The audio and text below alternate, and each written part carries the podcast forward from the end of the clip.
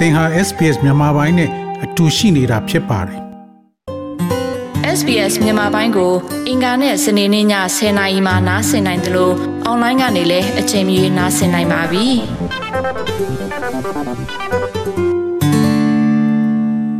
ဒေါက်တာထွန်းအောင်ရွှေခင်ဗျာအခုလိုကျွန်တော်တို့ SBS Radio မြန်မာပိုင်းအစီအစဉ်နဲ့ဆွေးနွေးပေးမဲ့အတွက်ကျေးဇူးအများကြီးတင်ပါတယ်ပထမဆုံးအနေနဲ့ဒေါက်တာထွန်းအောင်ရွှေလူတွေကသိပြီးပေမဲ့နည်းနည်းပြန်ပြီးတော့မိတ်ဆက်ပေးပါခင်ဗျာ အော်ဟုတ်ကဲ့ခင်ဗျာအဲကျွန်တော်နာမည်ကတော့ထွန်းအောင်ရွှေပါလက်ရှိမှာတော့ဒီဩစတြေးလျမှာမြို့သားညီညွတ်ရေးအစိုးရရဲ့ကိုယ်စားလှယ်အနေနဲ့တာဝန်ထမ်းဆောင်နေပါတယ်ခင်ဗျာဟုတ်ကဲ့ဒီဟိုတရက်ကဒေါအောင်ဆန်းစုကြည်ကို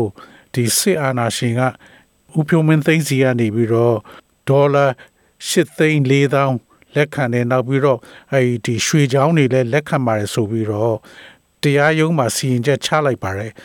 ဒေါအောင်ဆန်းစုကြည်ကိုသူတို့ထောင်ပယ်နှစ်နှစ်ချလဲဘာတွေဆက်လုပ်ဖို့ရှိတယ်ဆိုတာနည်းနည်းလေးရှင်းပြပေးပါအော်ဟုတ်ကဲ့ခင်ဗျာအခုဒီအမှုချပြီးတဲ့အပြင်ပေါ့နော်ဒေါအောင်ဆန်းစုကြည်အနေနဲ့နောက်ထပ်အမှုပေါင်း17ခုလောက်ကိုလည်းထပ်ရင်ဆိုင်ရဖို့ရင်ဆိုင်နေရတယ်ဆိုတာလည်းကျွန်တော်ကြားသိရပါတယ်အဲ့တော့အခုအမှုချပြီးတဲ့ပြင်ရင်ကလည်းပြစ်ဒဏ်ချခဲ့တာလည်းရှိပါတယ်ဒါပေမဲ့ဒီအနေအထားတွေကိုအကုန်ကြည့်လိုက်တဲ့အခါကျတော့ဒီစစ်အုပ်စုရဲ့ဟိုမတရားတဲ့ဟိုတဘာဝမကြတဲ့ယုတ်တိမရှိတဲ့တရားစီရင်စနစ်ကြီးကပို့ပြီးတော့တင်းတင်းငုံငုံပေါ်လာတယ်ပေါ့နော်ဒေါအောင်ဆန်းစုကြည်ဆိုတာကနှစ်ပေါင်း30နီးပါးသူ့ရဲ့အရေးချင်းသူ့ရဲ့ကိုကျင်တရားတွေကိုအစမ်းသတ်ခံခဲ့ပြီးပြီလေဒီလိုပုံကိုတယောက်ကသူတို့လောက်ကြံဆွဆွဲတယ်လို့မျိုးဖြစ်เสียအကြောင်းလုံးဝမရှိပါဘူးဗျ ဒေါ်ဆန်းစုကြည်အနေနဲ့အခုရှေ့ဆက်ပြီးဘာလုပ်မယ်လို့ထင်ပါတယ်သူတို့ကစစ်အာဏာရှင်ပြောဆိုခွင့်ရှိရှိသူအဲဇော်မင်းထွန်းပြောတာကတော့ ဒေါ်စုဘာလုပ်မလဲသူတို့စောင့်ကြည့်မယ်ပေါ့လေဒေါ်စုအယူခံဝင်မလားဘာလုပ်မလဲပေါ့ဒေါက်တာထွန်းအောင်ရွှေအနေနဲ့ရောဘယ်လိုမြင်ပါလဲဟိုကျွန်တော်အနေနဲ့တော့နံပါတ်1ကတော့ဟိုဘသူတရားပြက်ပြက်ကိုမပြက်ဆိုတဲ့မူမျိုးကဒေါအောင်ဆန်းစုကြည်မှာရှိတယ်လေဒါကြောင့်မလို့သူနဲ့သူရှိနေဒီအနေနဲ့ကတော့ဟိုမတရားတဲ့အမိန့်နေ ဟိုမျှတမှုမရှိတဲ့တရားစီရင်စနစ်တွေတစ်ဖက်ဆောင်းနေဖြစ်နေတဲ့ဆရာစီရင်စနစ်တွေထဲမှာပဲသူတို့ကတော့တရားဥပဒေပေါင်းတွေကနေတော့သူတို့လုံးတင်လုံးလိုက်တာတွေတော့ဆက်လုပ်မယ်လို့ထင်ပါတယ်ဒါပေမဲ့အပိုအရေးကြီးတာကတော့ဒေါ်ဆန်းစုကြည်ရဲ့ယနေ့ယက်တီချက်ကစစ်အုပ်စုကဘလောက်အထိသူ့ကိုပုတ်ကိုရေးရမုန်းတီးတယ်နောက်တစ်ခုကတိုင်းပြည်မှာသွားကျင်တဲ့ဒီနိုင်ငံရေး ပြုပြင်ပြောင်းလဲမှုကိုဘလောက်အထိဆန့်ကျင်တယ်မလုံမုန်းတာရှိတယ်ဒီမိုကရေစီဆိုတာဟာသူတို့အသွေးသားထဲမှာတစ်စက်မှမယုံဘူးဆိုတာကိုပြသနေတယ်လို့ကျွန်တော်ယုံကြည်ပါတယ်ဗျဒေါ်အောင်ဆန်းစုကြည်ဒီရွေးကောက်ပွဲတွေပါဝင်မပြန်ခင်မှာမန်အဲ2020လောက်ကထင်ပါတယ်အဲဒေါ်အောင်ဆန်းစုကြည်ကဒီဗိုလ်ချုပ်မှုကြီးတန်းရွှေနဲ့သွားတွေ့သွားတွေ့စကားတွေပါပြောပြီးတော့ ပြန်ထွက်လာတဲ့ခါမှာဗိုလ်ချုပ်မှုကြီးတန်းရွှေကဒါကျွန်တော်တို့ရဲ့ဒီမိုကရေစီကောင်းဆောင်ပါဆိုပြီးသူကအဲ့လိုပြောသွားတယ်ဗိုလ်ချုပ်မှုကြီးတန်းရွှေရတောင်ဒီလိုထောက်ခံတဲ့ဥစ္စာကိုဒီလိုဗိုလ်ချုပ်မင်းအောင်လှိုင်တို့ဘာလို့ကဒီလိုဖမ်းနေဆိုတာကိုအဲဗိုလ်ချုပ်မှုကြီးတန်းရွှေအနေနဲ့ဘာမှဝင်ပြောလို့မရပါဘူးလားအဲအဲ့ဒါတော့ကျွန်တော်လည်းလက်လှမ်းမမီတော့မသိဘူးပေါ့နော်သို့တော်လည်းဒီစစ်အုပ်စုဒီတကယ်တမ်းကတော့သူတို့အသွေးသားထဲမှာတကြိတ်တည်းတညံနေဗျအဲ့ဒါတော့ကျွန်တော်ယုံကြည်ပါတယ် ဟုတ်ကဲ့အဲ့တော့ဗိုလ်ချုပ်မှုကြီးတန်းရွှေကလည်းဒီအကြံစီထဲမှာသူကိုယ်တိုင်ပါဝင်နေဆိုတဲ့သဘောပေါ့နော်ကျွန်တော်ကတော့အဲ့လိုပဲကျွန်တော် personally ယုံကြည်ပါတယ်ဗျာဘာကြောင့်လဲဆိုတော့အာနာသိမ့်ဖို့စူးစမ်းတာဒီနေ့ဒီနေ့လိုမျိုးဖြစ်လာတာတွေကတူးတယောက်တည်းသဘောနဲ့လုပ်တဲ့အလုပ်မျိုးမှမဟုတ်တာပေါ့နော်နောက်ပြီးတော့အချိန်အများကြီးယူပြီးတော့ပြင်ဆင်ရတဲ့သဘောလည်းရှိတယ်လေအဲ့အတွက်ကြောင့်မလို့ဒါသူတို့ရဲ့ plan ABC တွေထဲမှာနောက်ဆုံးမဖြစ်လို့လုပ်ရတဲ့အလုပ်လို့ကျွန်တော်မြင်ပါတယ်ဗျ ဟုတ်ကဲ့နောက်တစ်ခုကဒီဒေါအောင်ဆန်းစုကြည်ကိုသူတို့ကထောင်ဒဏ်6နှစ်ချပြီးပြီဖြစ်တယ်သူကဒေါအောင်ဆန်းစုကြည်ကစစ်အစိုးရစန့်ကျင်ဖို့အတွက်လှုပ်ဆောင်နေနောက်ပြီးတော့ COVID-19 စီမင်းတွေဖောက်ဖျက်တယ်နောက်သူတို့ဒီ electronic ဥပဒေတွေကိုဖောက်ဖျက်တယ်ဆိုပြီးဒေါ်စုကိုဆွဆွဲပြီး6နှစ်ထောင်ဒဏ်ချမှတ်ထားပါတယ်အဲ့တော့သူတို့ကဒီလိုထောင်ဒဏ်ချမှတ်လိုက်ပြီးတော့ဒေါအောင်ဆန်းစုကြည်ကိုတကယ်တမ်းထောင်ထဲမှာထည့်မယ်လို့ထင်ပါလား အဲအဲ့ဒါတော့ကျွန်တော်တို့မှန်းဆလို့မရဘူးပေါ့နော်အခုလက်ရှိလဲဒေါအောင်ဆန်းစုကြည်ဟာဗမာရှိနေတယ်ဆိုတာလဲဘယ်သူမှမသိကြဘူးပေါ့နော်ဆိုတဲ့အခါကျတော့မှန်းဆရတော့ခက်ပါတယ်ဗျာသို့တော်လဲသူတို့ဒီဒေါအောင်ဆန်းစုကြည်ကိုနိုင်ငံရေးရောက်ဝင်းမှာမရှိစေခြင်းဘူးဆိုတဲ့ဆန္ဒကတော့အထင်ရှားမြင်ရပါတယ်ဗျာဒေါအောင်ဆန်းစုကြည်ကိုအခုလို့သူတို့ထပ်ပြီးတော့အပြစ်ရှိပါတယ်ဆိုပြီးဆွဆွဲလိုက်တာနဲ့ပတ်သက်ပြီးတော့နိုင်ငံတကာကဘာတွေတုံ့ပြန်မှုတွေရှိပါလဲ နိုင်ငံတကာကတော့ပထမဆုံးအနေနဲ့ကတော့ဒီစစ်အုပ်စုရဲ့ဒီတရားစီရင်စနစ်ကြီးဟာယိုယွင်းပျက်စီးပြီးတော့မှအတိပယ်မရှိတဲ့ judicial system ဆိုတာကိုနိုင်ငံတကာကပြောကြတယ်ပို့ပြီးတော့ထင်ရှားလာတယ်နောက်တစ်ခုကဒီစစ်အုပ်စုအနေနဲ့ဒီမြန်မာအရေးမှာနိုင်ငံရေးသဘောအရဖြည့်ရှင်းလိုတဲ့ဆန္ဒမရှိဘူးဆိုတာလေထင်ထင်ရှားရှားပို့ပြီးတော့ပေါ်လွင်လာတယ်လို့လည်းသူတို့သုံးသပ်ကြတယ်ပေါ့နော် ဟုတ်ကဲ့အထူးသဖြင့်ဩစတြေးလျအစိုးရတော့အများတိုင်းငြိမ်းနေရအခုချိန်ထိရောဩစတြေးလျအစိုးရမဟုတ်လို့ရှိရင်ဒီနိုင်ငံခြားရေးဌာနလူတွေဘာတွေများပြောတာများရှိပါလဲအဲကျွန်တော်လည်းစောင့်ကြည့်နေပါတယ်ဗျအခုလောလောဆယ်တော့ဘာမှကိုဒီကိစ္စနဲ့ပတ်သက်လို့ပြောတာဆိုတာမကြားသေးဘူးပေါ့နော်အဲ့တော့ဖြစ်နိုင်တာကတော့ဒီ campaign ကာလရောက်နေတဲ့အတွက်ကြောင့်မလို့သူတို့အရေးနဲ့ပဲသူတို့လုံးလေချလဲလိုက်နေတယ်လို့ပဲထင်ပါတယ် ဟုတ်ကဲ့အဲ့တော့ဒေါက်တာထွန်းအောင်ရွှေအနေနဲ့ဒီ NUG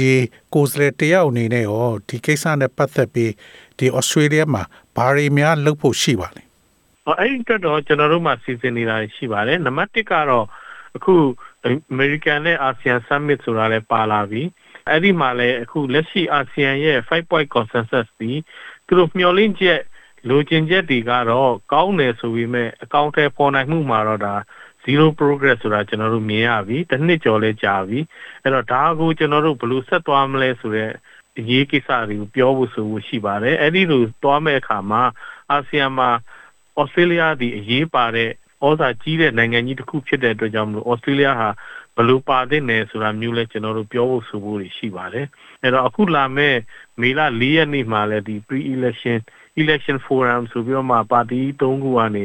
မြန်မာပေါ်ထားတဲ့ ဒီနိုင်ငံရေးမူဝါဒကိုဆွေးနွေးကြဖို့ရှိတယ်ပေါ့နော်အဲ့တော့ကျွန်တော်လည်းအဲ့ဒီမှာလည်းတက်ရောက်ပါမယ်အကဲခတ်ပါမယ်နားထောင်ပါမယ်ဗျပြီးရင်တော့ကျွန်တော်တို့ဒီမြန်မာအရေးအတွက်လာမယ့်အခင်းကျင်းမှာဩစတြေးလျကိုကျွန်တော်တို့တိုက်တွန်းရမယ်နှိုးဆော်ရမှာတော့ရှိပါတယ်ကျွန်တော်တို့ဒီမြန်မာလူမျိုးစုထဲမှာတကယ်လို့သာ Labor Party နိုင်လို့ရှိရင်ဒီမြန်မာအရေးနဲ့ပတ်သက်လို့ရှိရင်ပို့ပြီးတော့တိတိကျကျလောက်ကင်မယ်လို့လူတော်များများမျှော်လင့်နေပါတယ်ဒေါက်တာထွန်းအောင်ရွှေအနေနဲ့ရောဘယ်လိုမြင်ပါလဲ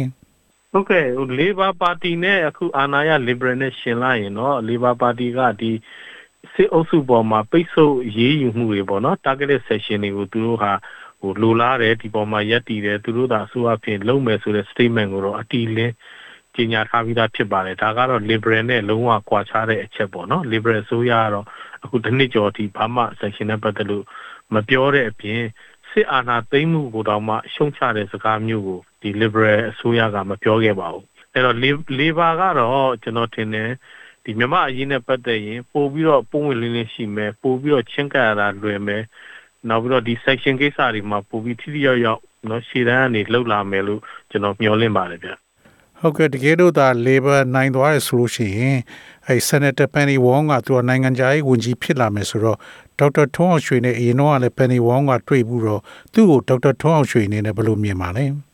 ဆီနီတာ Penny Wong ကတော့ဒီနိုင်ငံခြားရေးနဲ့ပတ်သက်လို့တော့အရန်ကိုဒီထက်မြက်တယ်သူ့ရဲ့အမြင်တွေကလည်းဆူရှာတယ်ပေါ့နော်အဲ့တော့မြမအရေးမှာလည်းသူအစင်လာရဟိုအများကြီးစိတ်ဝင်စားတယ်နောက်ပြီးတော့မှထိရောက်အောင်လည်းသူပြောခဲ့ဆိုခဲ့တာတွေအများကြီးရှိပါတယ်အထူးသဖြင့်ဒီ Senate ဒီ estimate တွေမှာမြန်မာအရေးနဲ့ပတ်သက်လို့သူမေးခဲ့တာတွေပြန်ပြီး cross question ပြန်လုပ်ခဲ့တာတွေကအမြဲတမ်းအားရဖို့ကောင်းပါတယ်။အဲဒီတော့သူသာနိုင်ငံသားရေးဝန်ကြီးဖြစ်လာမယ်ဆိုရင်တော့ဒီသူ့ရဲ့အရင်ဆွေးနွေးချက်တွေအရကျွန်တော်မြန်မာအရေးမှာပို့ပြီးတော့ထိရောက်ရောက်လုပ်လာမယ်လို့မျှော်လင့်ပါတယ်ဗျ။ဟုတ်ကဲ့အခုစားရွေးကောက်ပွဲအချိန်မဲဆွဲတဲ့အချိန်မို့လို့လားမသိဘူးဆန်နတာပန်နီဝေါကလည်းဒေါအောင်ဆန်းစုကြည်ကိုအခုလိုထပ်ပြီးတော့ ပြစ်ဒဏ်နေချမှတ်တဲ့နဲ့ပတ်သက်ပြီးတော့သူလည်းဘာမှမပြောသေးဘူးပေါ့နော်ဟုတ်ကဲ့ဗျအခုတည်းကကျွန်တော်မကြားသေးပါဘူးသို့တော့သူတို့တွေရောဒီနိုင်ငံခြားရေးလက်ရှိနိုင်ငံခြားရေးဝန်ကြီးဆီနီတာမယ်ရစ်ဘိန်ရောကတော့ community meeting တွေမှာသူတို့ဆင်းနေကြပါတယ်အဲ့တော့မြန်မာ community တွေနဲ့လည်းသူတို့တွေ့နေကြတယ်ပေါ့နော်ကျွန်တော်နောက်ဆုံးသိရတာတော့ဒီ Western Australia part မှာ နှစ်ဖွဲ့စလုံးကတွေ့ကြပါတယ်အဲ့ဒီမှာတော့မြန်မာအရေးနဲ့ပတ်သက်လို့သူတို့ထဲထဲဝင်ဝင်ပြောတာလေးတွေတော့ရှိပါတယ် public statement တော့ကျွန်တော်မတွေ့သေးပါဘူးခင်ဗျဟုတ်ကဲ့နောက်တစ်ခုကဒီ NUG အစိုးရကို American အစိုးရတို့ဂျိုးဘိုင်ဒန်က American Federal Reserve ထဲမှာရှိနေတဲ့ဒေါ်လာ1 billion ကိုလွှဲပေးမယ်လို့ပြောပါတယ်အဲ့ဟာဟုတ်ပါလားအဲ့ဒါတော့လေကျွန်တော်တို့ NUG အစိုးရအနေနဲ့ကတော့ဒါက NUG အစိုးရအနေနဲ့အမွေဆက်ခံလိုက်တယ်ရတဲ့နယ်ဆိုတာတော့အရေးဆိုနေတာတွေရှိပါတယ်ထဲထဲဝင်နဲ့ပြောနေတာတွေရှိပါတယ်အမေရိကန်အစိုးရလည်းဒီ UNG ရဲ့ position ပေါ်မှာလည်းအလေးထားပြီးတော့လေ့လာနေတယ်ဆိုတာတော့သိပါတယ်သို့တော့ဒီ UNG လက်ထက်ကိုလွှဲလိုက်မယ်ဆိုတဲ့အဆင့်ရောက်လာဖို့ကတော့သူတို့အများကြီး process တွေရှိနေသေးတယ်လို့ကျွန်တော်သိထားပါတယ်ခင်ဗျဟုတ်ကဲ့အဲ့1 billion dollar ဒါ NUG ကရခဲ့လို့ရှိရင် NUG အနေနဲ့ဘာရီများဒီထက်ပိုကောင်းအောင်လုပ်ကင်လို့ရပါလဲ အဲတေးကြတာတော့ဆရာရဲ့ဒီအခုကျွန်တော်တို့ဒီမိုကရေစီပြန်လဲထွန်းကားဖို့နောက်အခုကျွန်တော်တို့ရဲ့ဒီခုခံစစ်အနေအထားတွေမှာဒီလိုမျိုးငွေကြေးအရင်းနှီး1ဘီလီယံဆိုတာတော့အများကြီးကိုခီးတွင်မဲ့ပမာဏပါအဲ့တော့တိုင်းပြည်မှာအခုကျွန်တော်တို့ဒီဒီမိုကရေစီရရှိဖို့ဒီစစ်အာဏာရှင်စနစ်ချုပ်ငြိမ်းမှုဆိုတာအတွက်တော့ဟိုအများဆုံးဟိုအခုလက်ရှိသွားနေတဲ့နှုံးကို ထပ်ပြီးတော့ booster dose ပေါ့နော်ပေးနိုင်တဲ့အနေအထားပါခင်ဗျဟုတ်ကဲ့ဒေါက်တာထွန်းအောင်ရွှေအခုလို့ရှင်းပြပေးတဲ့အတွက်ကျေးဇူးအများကြီးတင်ပါတယ်နော်ဟုတ်ကဲ့ကျွန်တော်လည်းအခုလိုမျိုးပြောကြားခွင့်ရတဲ့အတွက်ကျေးဇူးအများကြီးတင်ပါတယ်ခင်ဗျာ SBS Radio App ကို download လုပ်ပြီးနားဆင်မှတ်ချက်ပြုနိုင်ပါတယ်။ဒါရိုက်သို့မဟုတ်အချိန်မီနားဆင်နိုင်ပါပြီ။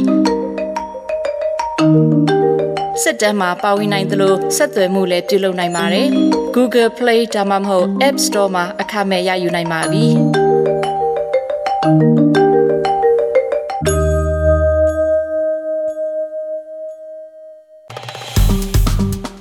SPS မြန်မာပိုင်းကို Facebook ပေါ်မှာ like ရှာပြီး like မျှဝေမှတ်ချက်ပေးပါ